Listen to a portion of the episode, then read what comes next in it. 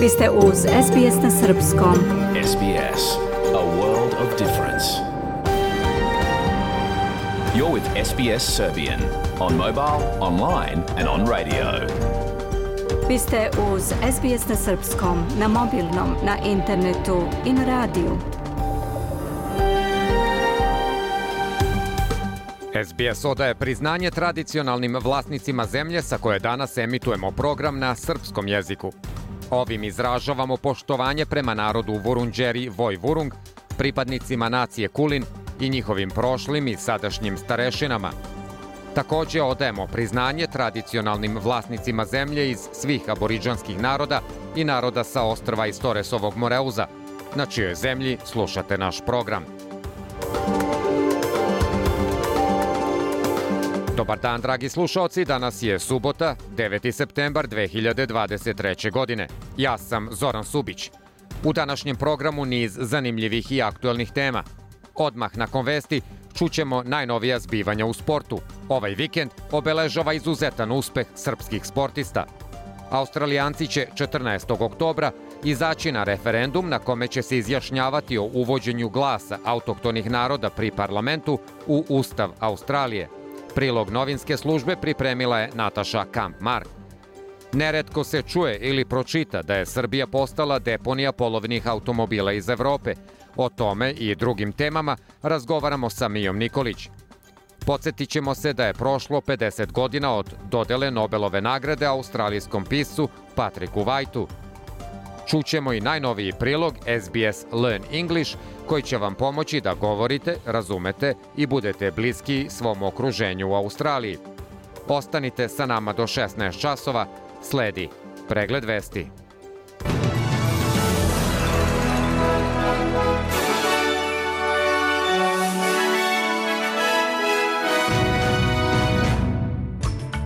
Premijer Antoni Albanezi je stigao u Novi Delhi na konferenciju G20. Prosto neverovatno, ali definitivno neočekivano, Srbija je u finalu svetskog prvenstva u košarci. Najbolji srpski tenisar Novak Đoković savladao je Bena Sheltona 3 prema 0 i plasirao se u deseto jubilarno finale na US Openu.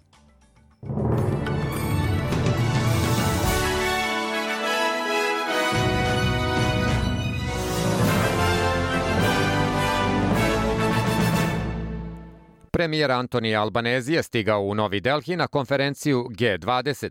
Gospodin Albanezi je rekao da ima nameru da odigra konstruktivnu ulogu kada se lideri koji predstavljaju dve trećine svetskog stanovništva okupe u Indiji ovog vikenda. Odsustvo kineskog lidera Xi Jinpinga i ruskog predsednika Vladimira Putina će uticati na diskusiju o pitanjima globalne brige uključujući klimatske promene i ruski rat u Ukrajini. Gospodin Albanezi kaže da ima dosta stvari za diskusiju.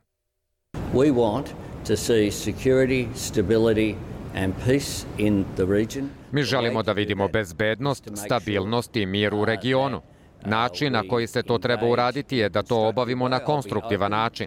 Biću otvoren i jasan sa svima sa kojima razgovaram Kažem iste stvari privatno kao i javno. Veoma sam zadovoljan sa odnosima koje smo uspeli da izgradimo u regionu i to je značajna promena. Čovek je u pritvoru nakon što je automobile koji je vozio udario u pešake i dva vozila na prometnoj tramvajskoj stanici u centru Melburna. Poginula je jedna osoba, a povređeno pet. Incident se dogodio u Burke ulici oko 6.20 popodne sinoć. Burke ulica je tokom noći bila zatvorena, ali je otvorena nakon što su rano jutro su uklonjeni beli Hyundai, čiji je 76-godišnji vozač poginuo, i siva Mazda.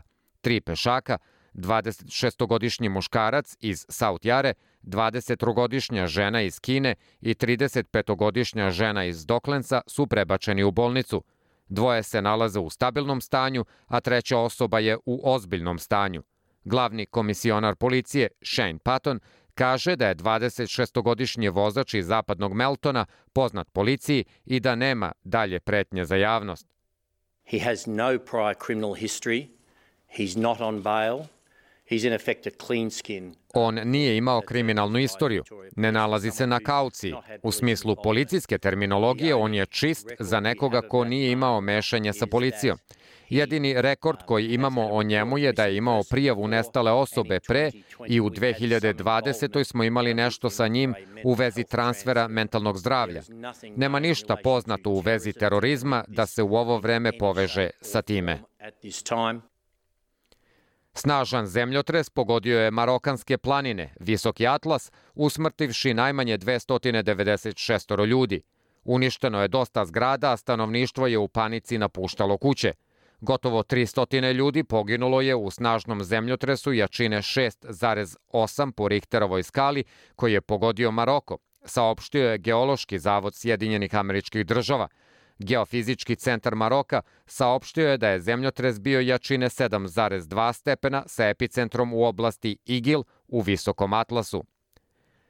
Predsednik Sjedinjenih američkih država Joe Biden je započeo svoju posetu Indiji sa privatnim sastankom sa premijerom Narendrom Modijem u njegovoj rezidenciji – Bela kuća kaže da je ovaj sastanak bio obeležen sa nedvosmislenom toplinom i verom koju oba lidera imaju jedan za drugog pred godišnji samit Grupe 20 gde će pitanja klime, ekonomske sigurnosti i više dominirati tokom vikenda.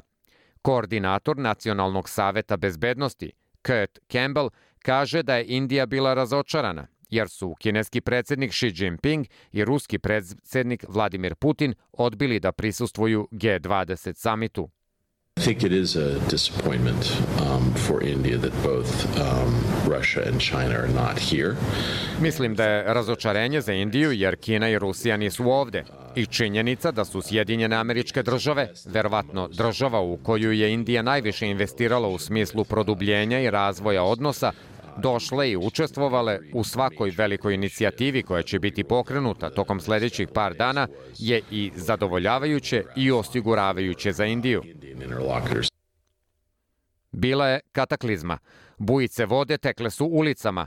Osjećali smo zbunjeno, u strahu i zarobljeno, opisuje za RTS Zoran Petrović, srpski turista iz Kraljeva, koji je sa porodicom tokom olujnog vremena bio u mestu Afisos na poluostrvu Pilion.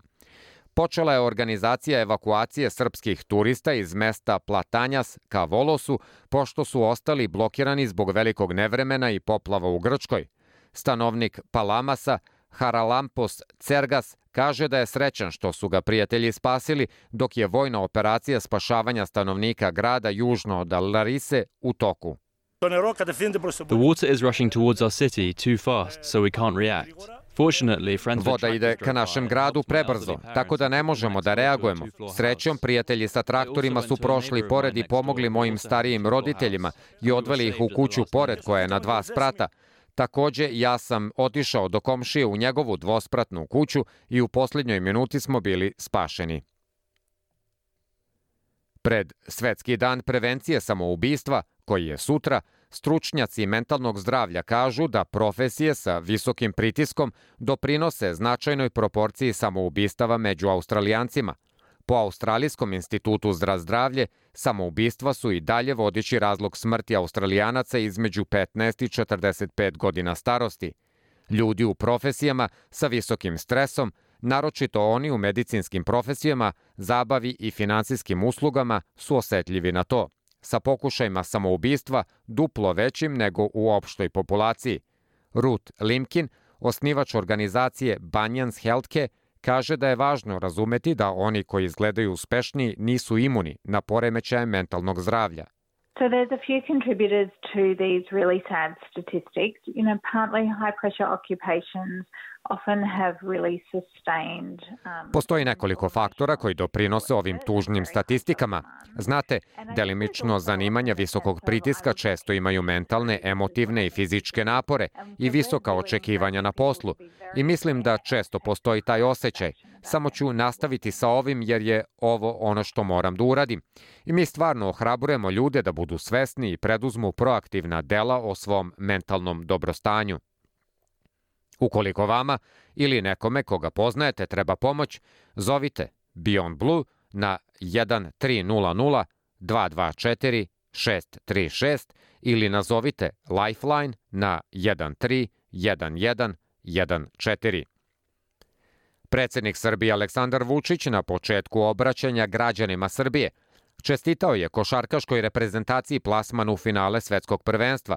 Povodom predstojećih pregovora u Briselu na visokom nivou, rekao je da se problemi nagomilavaju. Priština pokazuje da njihovoj sili nema granica i da mogu da čine šta hoće, istakao je predsednik Srbije. Najavio je da će penzioneri od 25. novembra do 5. decembra dobiti po 20.000 dinara. Od srede u svim prodavnicama proizvodi sa oznakom bolja cena.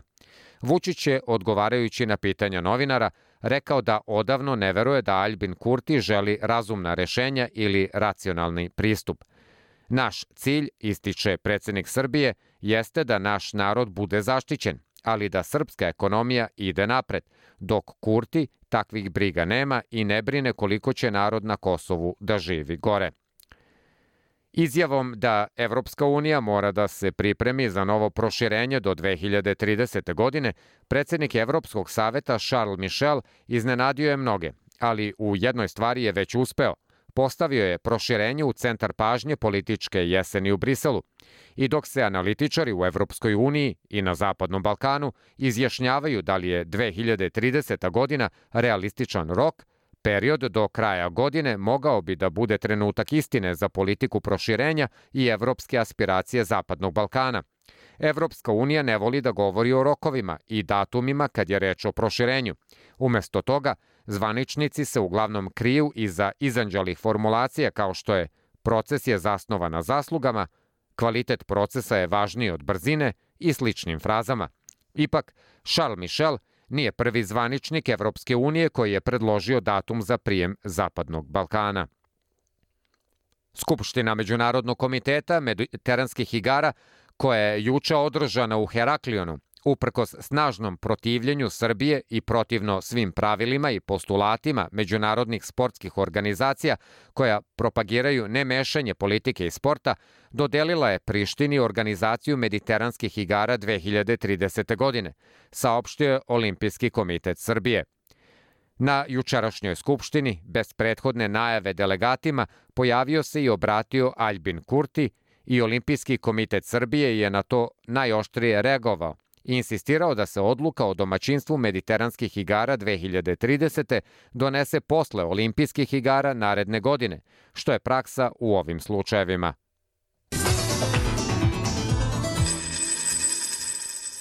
Jedan australijski dolar na svetskom ekonomskom tržištu danas vredi 0,64 američka dolara, 0,59 evra, 0,51 britansku funtu, 0,57 švajcarskih franaka i 69,82 srpskih dinara.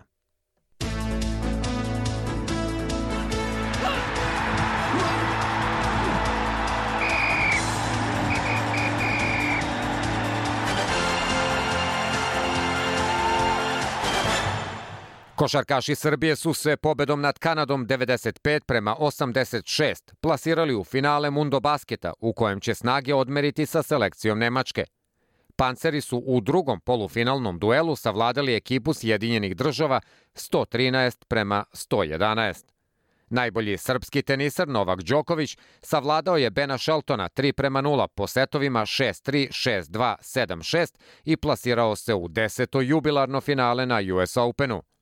U drugom polufinalu Medvedev je u četiri seta pobedio Alkaraza, tako da će se u finalu sastati sa Đokovićem. Srpska atletičarka Angelina Topić postala je 28. član olimpijskog tima Srbije za olimpijske igre koje će se održati u Parizu, pošto je na mitingu Dijamantske lige u Briselu preskočila normu od 1 metra i 97 santimetara. Odbojkaši Srbije u nedelju od 18 časova po srednjeevropskom vremenu igraju utakmicu osmine finala Evropskog prvenstva protiv selekcije Češke.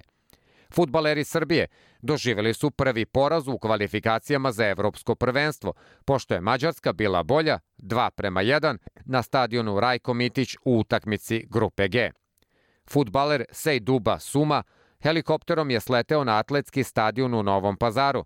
Futbalski klub Novi Pazar – dugo je najavljivao dolazak bivšeg igrača Partizana u redove Superligaša. Vaterpolisti Crvene zvezde pobedili su u Hanoveru ekipu Honveda rezultatom 10 prema 7 u meču prvo kola Grupe A kvalifikacija za Ligu šampiona. Sledi vremenska prognoza koja nas danas do kraja dana očekuje po najvećim gradovima Australije. U Sidneju 19 stepeni i sunčano vreme, u Melbourneu 15 stepeni, moguć pljusak, u Brisbaneu 25 stepeni i sunčano, u Pertu 23 stepena i povremene padavine, u Adelaidu 16 stepeni i delimično oblačno, u Hobartu 13 stepeni i povremene padavine, u Kamberi 13 stepeni, delimično oblačno vreme i u Darwinu 36 stepeni i uglavnom sunčano. Ovo su bile vesti SBS programa.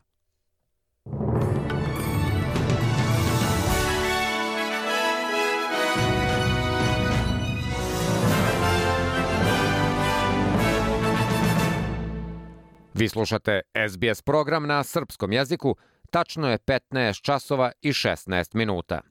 Sledi opširan sportski prilog. U ovom izdanju ćemo čuti o istorijskom uspehu srpskih košarkaša kao i o novom plasmanu u finale najboljeg tenisera na svetu Novaka Đokovića.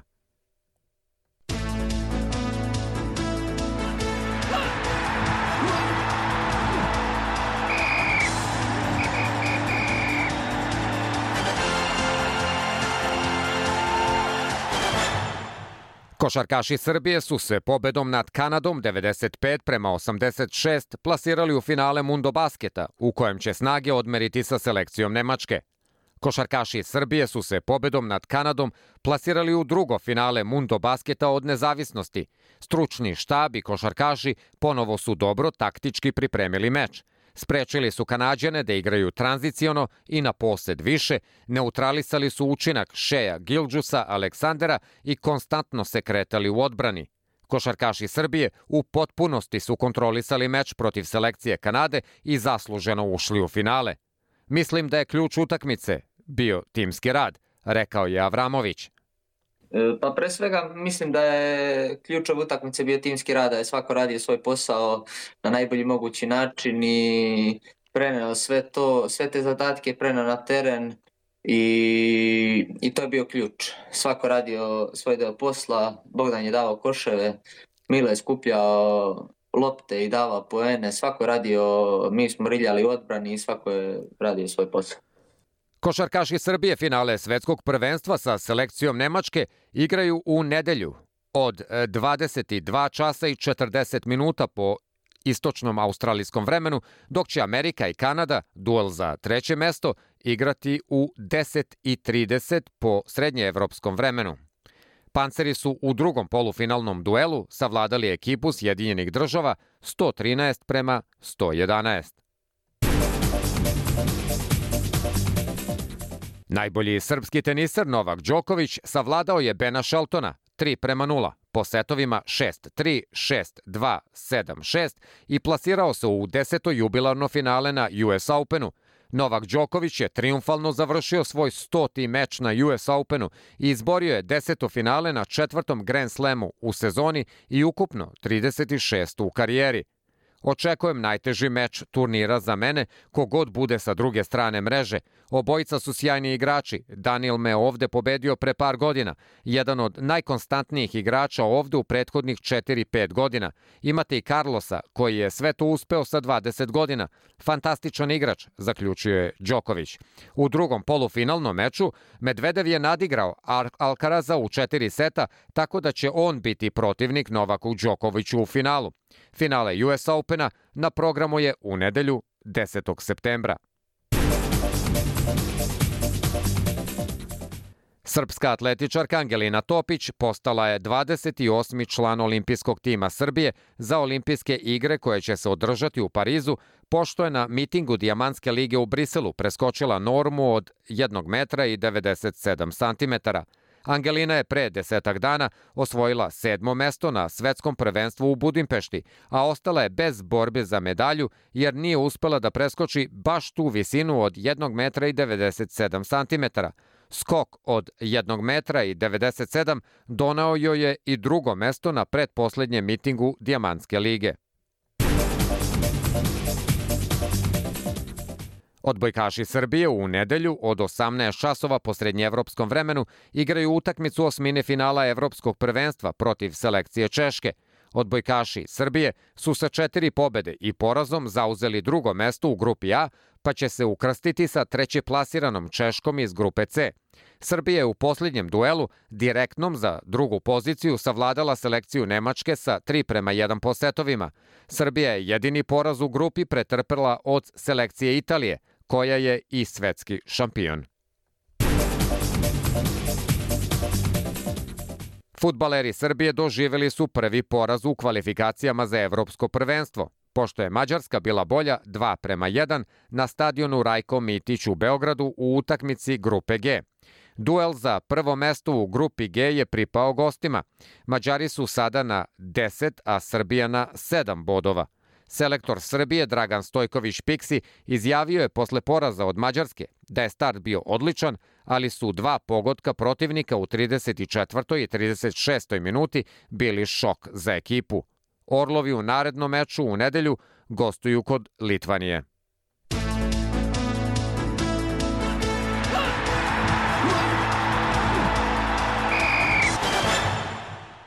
Vi slušate SBS program na srpskom jeziku, tačno je 15 časova i 23 minute. Ja sam Zoran Subić, ostanite sa nama. Australijanci će 14. oktobra izaći na referendum na kome će se izjašnjavati o uvođenju glasa autohtonih naroda pri parlamentu u Ustav Australije. U nastavku donosimo ono što treba da znate o tom procesu, kao na primer zašto se referendum sprovodi i koje informacije vam mogu pomoći pri donošenju odluke na biralištima. Prilog novinske službe pripremila je Nataša Kamp-Mark. Glas bi bio izabrana grupa koja bi savjetovala vladu o pitanjima i zakonima koji se odnose na pripadnike prvih nacija. Portparol Australijske izborne komisije Evan Ekin Smith objašnjava zašto referendum igra važnu ulogu u tom procesu. A referendum is a national vote on a particular issue to change or not the constitution. Referendum je oblik izjašnjavanja građana o nekom pitanju koje se tiče promene ustava. Ustav Australije se može promeniti jedino glasovima građana. Parlament nema ovlašćenje da to uradi, kaže on. Ustavom se utvrđuje kako funkcioniše savezna vlada. Njime se uređuju međusobni odnosi Commonwealtha država i naroda, uključujući i to kakve zakone mogu da donose državni i savezni parlamenti. Od ljudi će se tražiti da na sledeće pitanje odgovore sa da ili ne. Predlog zakona promena ustava kako bi se priznali prvi narodi Australije uspostavljanjem glasa aboriđina i stanovnika ostrva iz Toresovog Moreuza. Da li se slažete sa predloženom izmenom? Da bi referendum bio uspešan, mora da ga podrži dvostruka većina. For a referendum to pass, it has to achieve a majority of yes votes nationally and a majority of yes votes in a majority of states. So da bi referendum prošao, potrebno je da dobije većinu na nacionalnom nivou, kao i da dobije većinu u većini država. To znači da najmanje četiri od šest australijskih država moraju da glasaju za, objašnjava gospodin Ekin Smith i dodaje da stanovnici teritorije glavnog grada i stanovnici severne teritorije glasaju isto kao i ostali državljani, obeležavajući da ili ne na glasačkom listiću. Njihov glas ubraja se u većinu na nacionalnom nivou, ali ne i u slučaju drugog uslova koji referendum mora da zadovolji. Glasovi u teritorijama, kako objašnjava Ekin Smith, su zato izuzetno važni da bi se postigla većina na nacionalnom nivou. Predloženi glas autohtonih naroda pri parlamentu bio bi rodno izbalansirano telo sačinjeno od predstavnika koje biraju zajednice prvih naroda da ih predstavljaju time što bi savjetovali parlament prilikom izrade nacrta zakona koji se odnose na njih ne bi imao moć da donosi zakone, da stavi veto na odluke, niti da dodeljuje sredstva. Parlament bi nastavio da radi normalno. Profesorka Megan Davis je pripadnica naroda Cobble Cobble i drži katedru za ustavno pravo na Univerzitetu Novi Južni Vels. Ona je bila deo stručnog panela za ustavno priznavanje aboriđina i naroda sa ostrva Toresovog Moreuza, koji je izneo predlog za uspostavljanje glasa – Ona kaže da su i druge zemlje uspešno primenile slične modele. This is a very common reform that's made to democratic systems around the world Ovo je veoma uobičajena reforma sprovedena u demokratskim sistemima širom sveta kako bi se osiguralo da se glasovi autohtonih naroda čuju kada vlade donose zakone i politiku koji se odnose na njih. Jedan od razloga zašto nismo bili u mogućnosti da smanjimo socijalno-ekonomski jaz u Australiji jeste taj što se vlada veoma redko konsultuje sa zajednicama kada donose zakone i politike o njima, kaže profesorka Davis. Pripadnici prvih nacija Australije imaju različite političke stavove, a neki se ne slažu sa predlogom za uvođenje glasa. Među njima su istaknuti autohtoni političari kao što su liberalna senatorka iz Severne teritorije Jacinda Price i bivši lider laburista Warren Mandin, koji tvrde da glas neće mnogo doprineti popravljanju društveno-ekonomskog položaja pripadnika autohtonih naroda. Kako se referendum približava, oba tabora će predstaviti svoje argumente za i protiv glasa, a pamfleti će biti dostavljeni na kućne adrese širom Australije. Gospodin Ekin Smith kaže da Australijska izborna komisija radi na informativnoj kampanji kako bi više od 17 miliona registrovanih birača Australije bili informisani. We'll have thousands of polling places available across the country on referendum day. Uh, there'll also be early voting centers available in the weeks Na dan referenduma imaćemo na raspolaganju hiljade biračkih mesta širom zemlje. Nekoliko nedelja pre referenduma otvorit će se i centri za rano glasanje, tako da ako ne možete da glasate na dan referenduma, možete otići u centar za rano glasanje.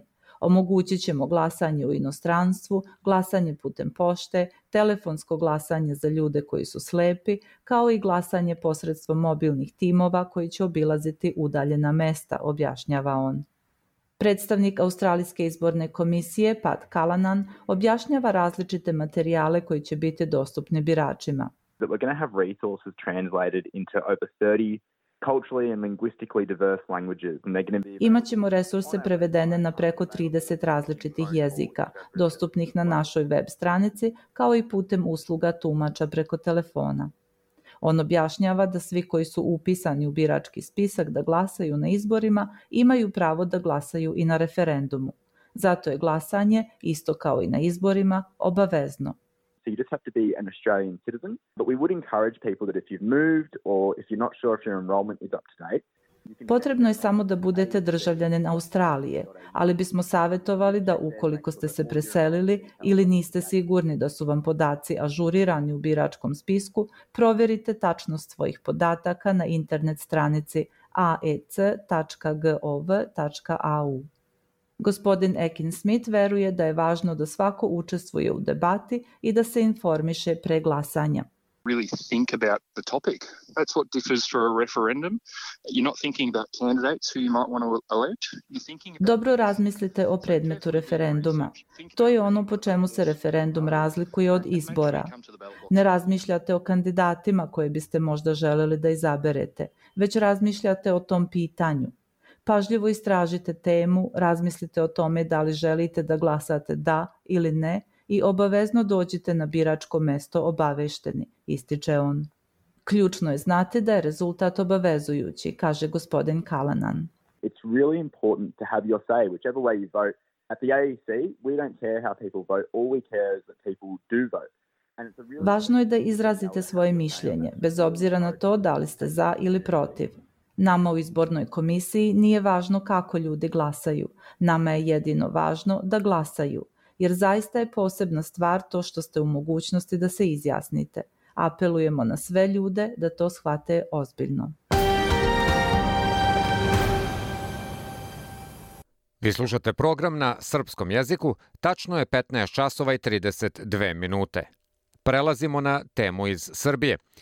Neretko se čuje ili pročita da je Srbija postala deponija polovnih automobila iz Evrope, kolika je prosečna starost srpskih četvoroščotkaša i kakvi su uporedni podaci sa zemljama iz okruženja, ali i Evropske unije, da li raste ili opada broj prvi put registrovanih vozila, koje se marke auta najviše traže i voze, A šta država čini za podmlađivanje voznog parka u kontekstu usvojenog programa zaštite vazduha do 2030. Čemu se pristupilo na preporuku Evropske unije? O svemu u razgovoru sa Mijom Nikolić.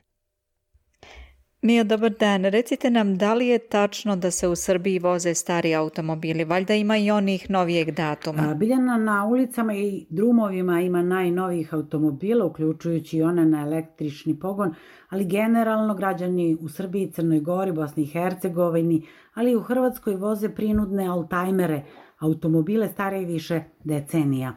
Prosečna starost putničkih vozila u našoj zemlji je 17,34 godine prema podacima MUPA.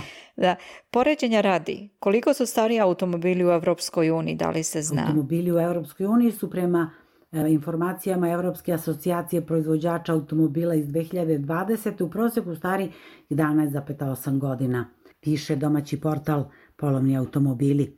Navodi da su najstarija putnička vozila u Litvaniji i Rumuniji sa 17 godina u proseku, a najmlađu u Luksemburgu prosečna starost 6,7 godina.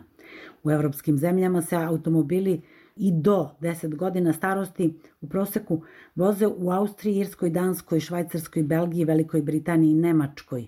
Od 10 do 15 godina u proseku stari su automobili u Švedskoj, Francuskoj, Norveškoj, Holandiji, Italiji, Sloveniji, Finskoj, Španiji, Portugalu, Mađarskoj, Latviji, Poljskoj, Slovačkoj i Hrvatskoj. Prosek starosti od 15 do 17 godina imaju putnička vozila u Češkoj, Grčkoj, Estoniji, Rumuniji i Litvaniji. Da, čini se da i u Evropi prosečna starost automobila raste, zar ne? B92 piše da prosečna starost vozila u Evropi uglavnom konstantno raste već mnogo godina, čak i pre pandemije koronavirusa i navodi da su razlozi za staranje voznog parka u Evropi komplikovaniji nego što se obično misli. Da. Pomenu ste region Balkana. Kakva je situacija u regionu po tom pitanju? Dnevnik danas se bavi pitanjem šta voze građani u regionu. U tekstu Vremešna kola na svim drumovima navodi da su se u Hrvatskoj mnoge stvari poboljšale od ulaska u Europsku uniju 2013. ali da ima i onih koje su bitno gore nego pre učlanjenja, a ovo je jedna od tih. Izvor iz Hrvatske naime navodi da je prosečna starost auta 2012. bila 11,38 godina, dok je Lani ona iznosila 13,29 godina. Navodi da je prosečna starost svih njihovih vozila još poraznija, 15,89 godina u 22. Danas prenosi da je u Crnoj Gori svaki treći automobil stari od 20 godina, da raste broj uvezenih i novih i polovnih. U Bosni i Hercegovini, prema rečima Jasmina Čengića iz firme Porsche BH, automobili su skoro pa punoljetni. Prosečna starost vozila na cestama BiH je veća od 16 godina, navodi Čengić. Kada reč o poreklu proizvodnje, čije automobile Srbi najviše voze? Danas prenosi da u Srbiji dominiraju nemački automobili. Najzastupljenije marke automobila strane proizvodnje prema podacima RZS-a jesu Volkswagen, Opel, Fiat, Renault, Peugeot, Ford, Citroen i Audi. Na sajtu polovniautomobili.com trenutno ima nešto ispod 71.000 oglasa za putnička vozila, a posetioci tog portala najčešće pretražuju dva modela Audija, A4 i A6. U vrhu najpretraživanijih je očekivano Volkswagen Golf pete generacije, ali isto od pet najtraženijih polovnjaka upotpunjuju i BMW 3 i Audi A3. Veliko interesovanje vlada i za Škodu Octaviju, za Golf 6 i Golf 4, Volkswagen Passat B6 i BMW serije 5. A Mija, šta država čini za podmlađivanje voznog parka u kontekstu usvojenog programa zaštite vazduha do 2030. čemu se pristupilo na preporuku Evropske komisije? U izveštaju Evropske komisije o napretku za 2021. E, data je preporuka da Srbija usvoji indeks e, Evropske unije za kvalitet vazduha pa je krajem prošle godine vlada usvojila program zaštite vazduha u Srbiji od 2022. do 2030. Jedna od mera je obnavljanje voznog parka otpremanje na otpad i u reciklažu najstarijih putničkih i lakih teretnih vozila Euro 1, 2 i 3 i dizel autobusa. Država je za putničke automobile opredelila subvenciju od 2100 evra za kupovinu malih kamiona do 12 tona 2500 evra, a za kupovinu autobusa 2900 evra. Ukupno se izdvaja nešto više od 100 miliona evra za te subvencije. No problem je ostatak novca, pošto se za krantije na autopijaci može dobiti još nekoliko stotina evra, a noviji modeli se mere hiljadama. Da li su električni automobili počeli da stižu na srpsko tržište? A električni automobili su većini ovde nedostižan san, a što postaje razumljivo ako se zna da putnička vozila u Srbiji koristi samo 53% naših građana, što je prema istraživanju mobilnosti u centralnoj Evropi kompanije CEPER najmanje između 10 centralnoevropskih zemalja. Alternativa su dvotočkaši, ali ni tu se ne mogu izneti impresivni rezultati, jer prema istraživanju tek 13% naših građana koristi ovaj vid prevoza. I to trebali naglasiti najčešće u Vojvodini koja ima dugu tradiciju u korišćenju dvotočkaša kao prevoznog sredstva. Na kraju, Mijan, da li stari automobili ugrožavaju bezbednost na putevima u Srbiji? Šta kažu stručnjaci? Stručnjaci ističu da je starija vozila nepravedno optužiti za ugrožavanje bezbednosti u saobraćaju, jer su glavni krivci za to bahatost i kršenje saobraćajnih propisa, te da tvrdnja kako su vremešna vozila automatski rizičnija ne pije vodu. Naglašavaju i da kad je u pitanju ekologija, ako bismo zaista hteli da smanjimo zagađenje, potrudili bismo se da uz podmlađivanje voznog parka stimulišemo i što više vozača da koriste plin ili metan umesto dizela. Nažalost, kod nas se dešava upravo suprotno. Zahvaljujući između ostalog i konstantnom rastu akciza, potrošnja plina se iz godine u godinu osetno smanjuje, isto kao i broj vozila koja koriste ovo gorivo, navode stručnjaci. Studio. Hvala Mija, toliko za danas. Bilo je to naša saradnica iz Srbije, Mija Nikolić, ja sam Biljana Ristić.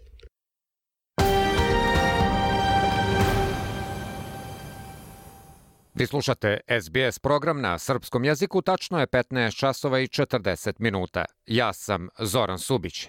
Prelazimo na temu iz kulture.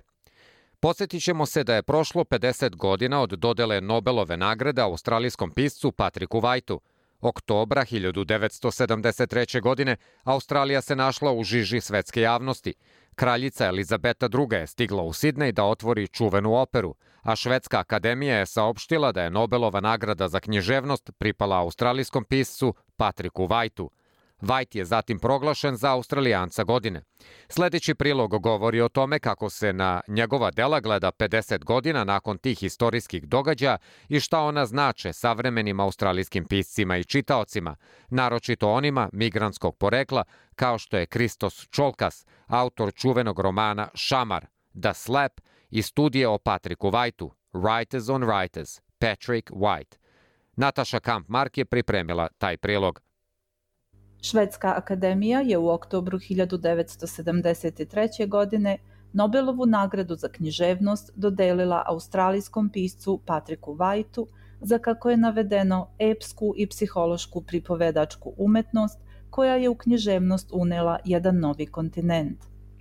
50 godina kasnije književni stvaraoci u Australiji, posebno pripadnici autohtonih naroda, ukazuju na evrocentričnost pogleda prema kome je Australija novi kontinent, a književnost stvaraju isključivo doseljenici, odnosno osvajači. Patrick White se i dalje smatra kanonskim piscem, ali se njegovo stvaralaštvo sve više tumači u istorijskom kontekstu, pri čemu se ističe da je White daleko ispred svojih savremenika u pogledu prikaza aboriđinskih likova i da se distancira od kolonijalnog viđenja sveta i Vajtov književni stil pisanja je preživeo test vremena. Tako da savremeni australijski pisci kao što je Kristos Čolkas, autor čuvenog romana Šamar, danas govore o Vajtovoj zanosnoj književnoj elokvenciji. Osim toga, Čolkas, koji je poreklom iz imigrantske grčke porodice, ističe Vajtovu zainteresovanost za imigrantsko iskustvo dolaska u novi svet. Because it is a story of what it means to come to a new land, what it means to see the world anew. Um, Kao autor najnovije studije o Vajtu u ediciji Pisci o piscima, Čolkas takođe ističe i Vajtovo zanimanje za položaj migranata u australijskom društvu. I come, because I come from an immigrant background, any of us, wherever we're from, Svi mi koji dolazimo od nekud i nismo starosedeoci, moramo se suočiti sa pitanjem šta znači biti australijanac u kontekstu postojeće istorije britanskog kolonijalizma, jer ta istorija je deo naše sadašnjosti isto koliko i deo naše prošlosti. A Vajtov roman Drvo čoveka je bio prvi roman koji mi je pokazao kako ja mogu da budem deo te priče kao australijanac, objašnjava Čolkas. Vajta je vest o nagradi zatekla na spavanju, te su mu je prvo saopštili novinari. Uh, we had the press all night battering on the doors. That's what made me think. Celu noć su nam na vrata lupali novinari i to me je navelo da pomislim da sam dobio nagradu. A onda su mi jutro stigli telegrame iz Stokholma i od švedskog ambasadora. Izjavio je White u intervju za program Four Corners. Odluka Švedske akademije, međutim, nije došla kao potpuno iznenađenje. There have been these rumors flying about for years. So Godinama se govorkalo o tome, tako da sam mislio da tu možda ima nešto. Ali čovek postane pomalo ciničan, izjavio je za australijsku nacionalnu televiziju ABC. White nije otišao na svečano uručenje nagrade decembra 1973. jer zbog zdravstvenih razloga nije hteo da se izlaže zimskim uslovima severne hemisfere. U Stokholm je poslao svog bliskog prijatelja, slikara Sidnija Nolana. Novac od Nobelove nagrade iskoristio je da u Australiji ustanovi književnu nagradu koja nosi njegovo ime i dodeljuje se svake godine starijim književnicima i književnicama koji nisu dobile zasluženo priznanje.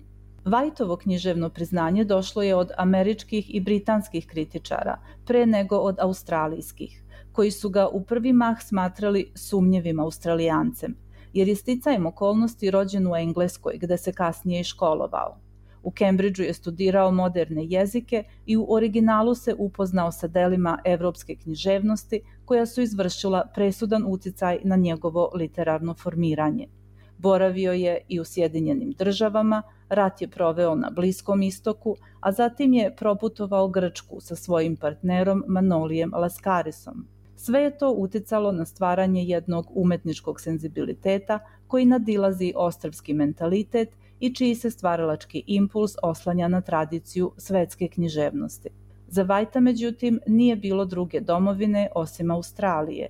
my heart isn't altogether here. I think my heart is in London, but uh, my blood is Australian. U pomenutom intervju za ABC, White je objasnio da je njegovo srce u Londonu, ali da mu je krv australijska. Po završetku rata, za razliku od drugih australijskih pisaca koji su odlazili iz Australije, White je odlučio da se vrati i trajno nastani u Australiji, gdje je napisao prozna dela na kojima danas počiva njegov književni ugled.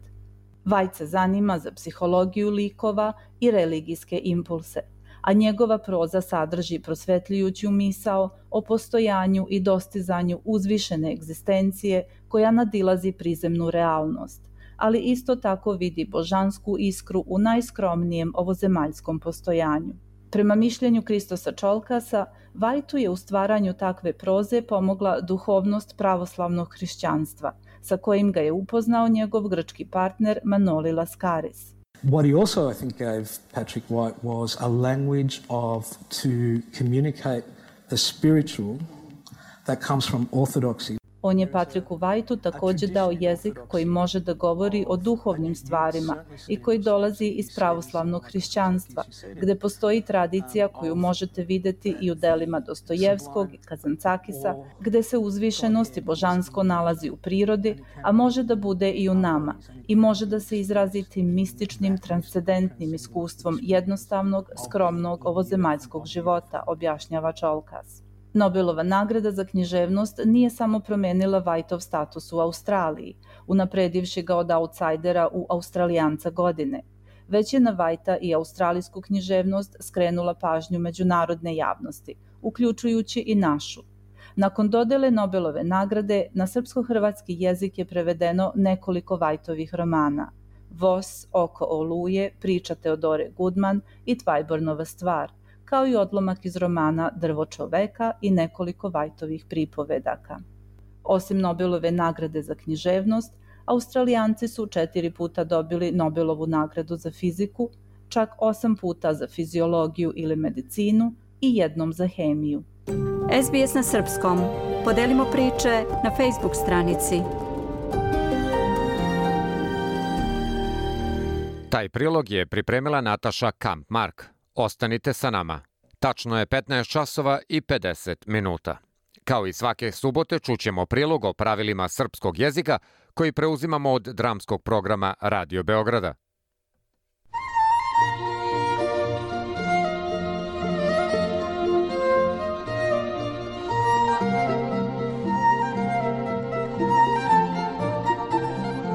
Srpski na srpskom.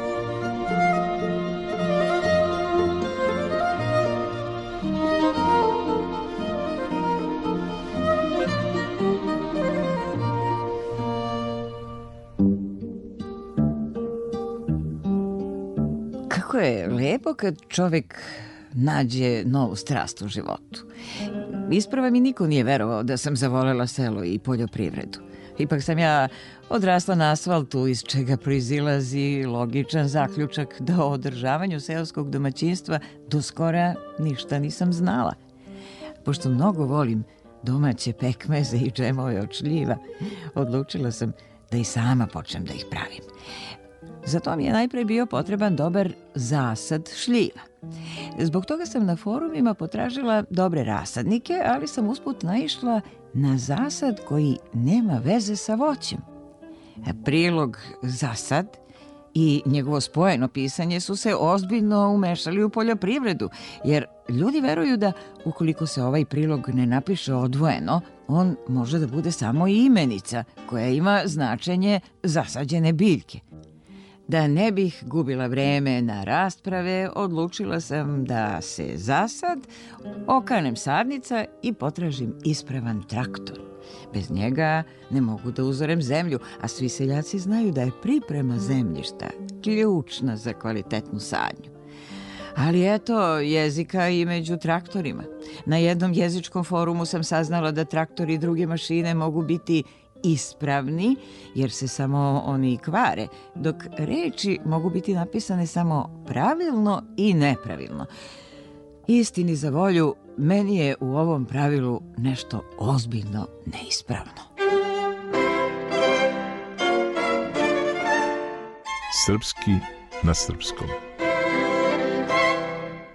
Najpre o glagolu proizilaziti – On se u jeziku pojavio kao izvedeni oblik starog glagola izilaziti koji se i dalje čuva u mnogim dijalektima. Uprkos tome što zvuči malo arhaično u odnosu na oblik proizlaziti, koji je nastao od glagola izlaziti, oba su pravilna.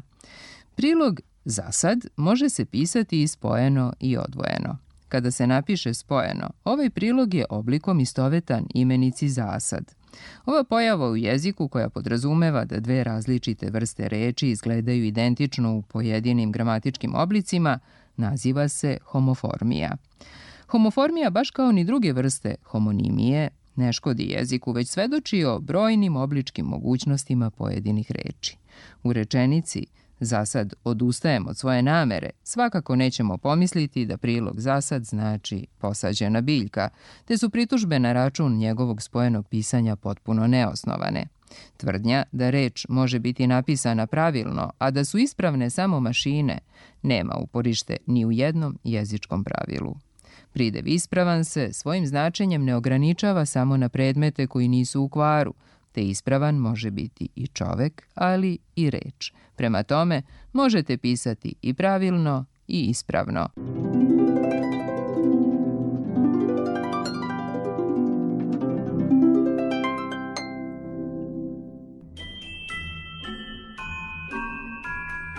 Prošlog meseca sam konačno kupila ispravan traktor i posadila svoje šljive. Biće to dobar zasad. Jedva čekam da počnem da ubiram plodove svog rada pa da skuvam i prodam prvi pekmez. Videla sam na komšijskim kapijama da se prodaje i najbolja zimnica ikada, da se vrši uslužno sušenje mesa, pa čak i da se nudi kafa za poneti u kiosku u glavnoj ulici koja povezuje našu varoš sa gradom. O tome šta je sve pogrešno napisano u tim reklamama pričat ću drugi put. Za sad je dovoljno da znamo da iz valjanog zasada voća proizlaze sočni plodovi, a iz učenja jezika na forumima uglavnom ništa dobro.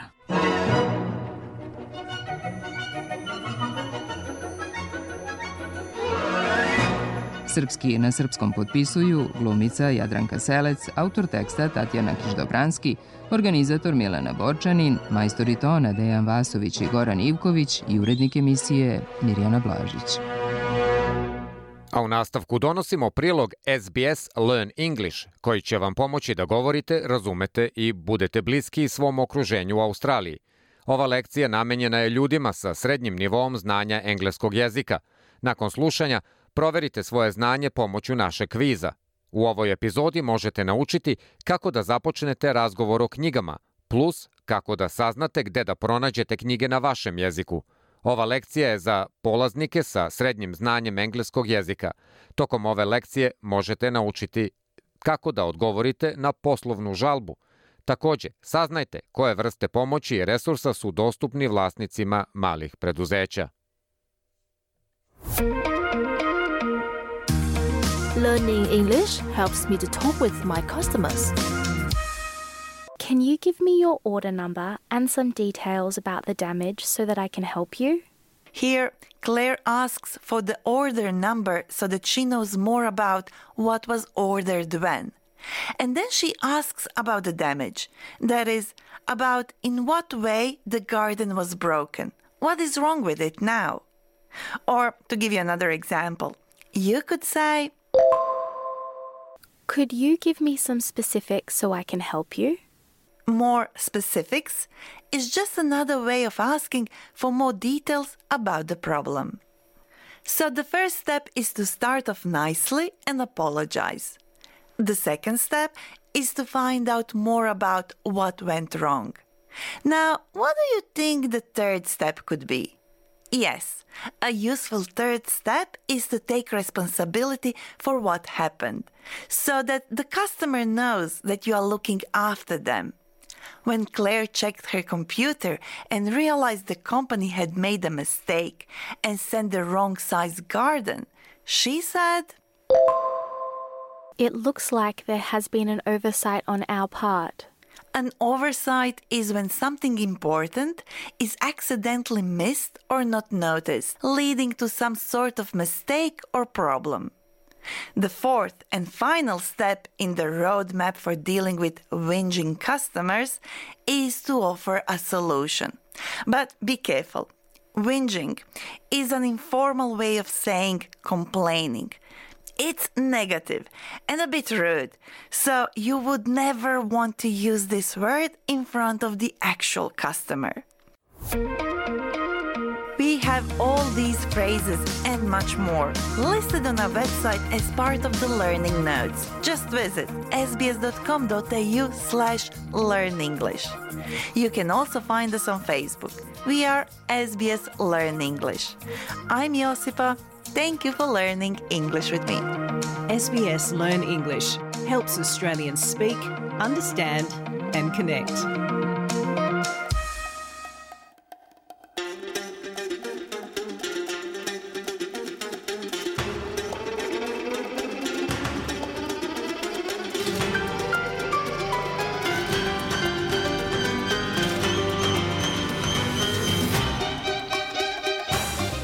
Slušali ste SBS program na srpskom jeziku ove subote 9. septembra 2023. godine. Sa vama je ovog popodneva u Melbourneu bio Zoran Subić. Sledeća emisija na srpskom jeziku je u ponedeljak u 15 časova.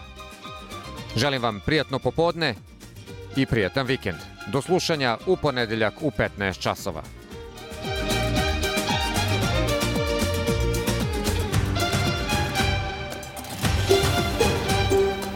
Želite da čujete još priča poput ove? Slušajte nas na Apple Podcast, Google Podcast, Spotify ili odakle god slušate podcast.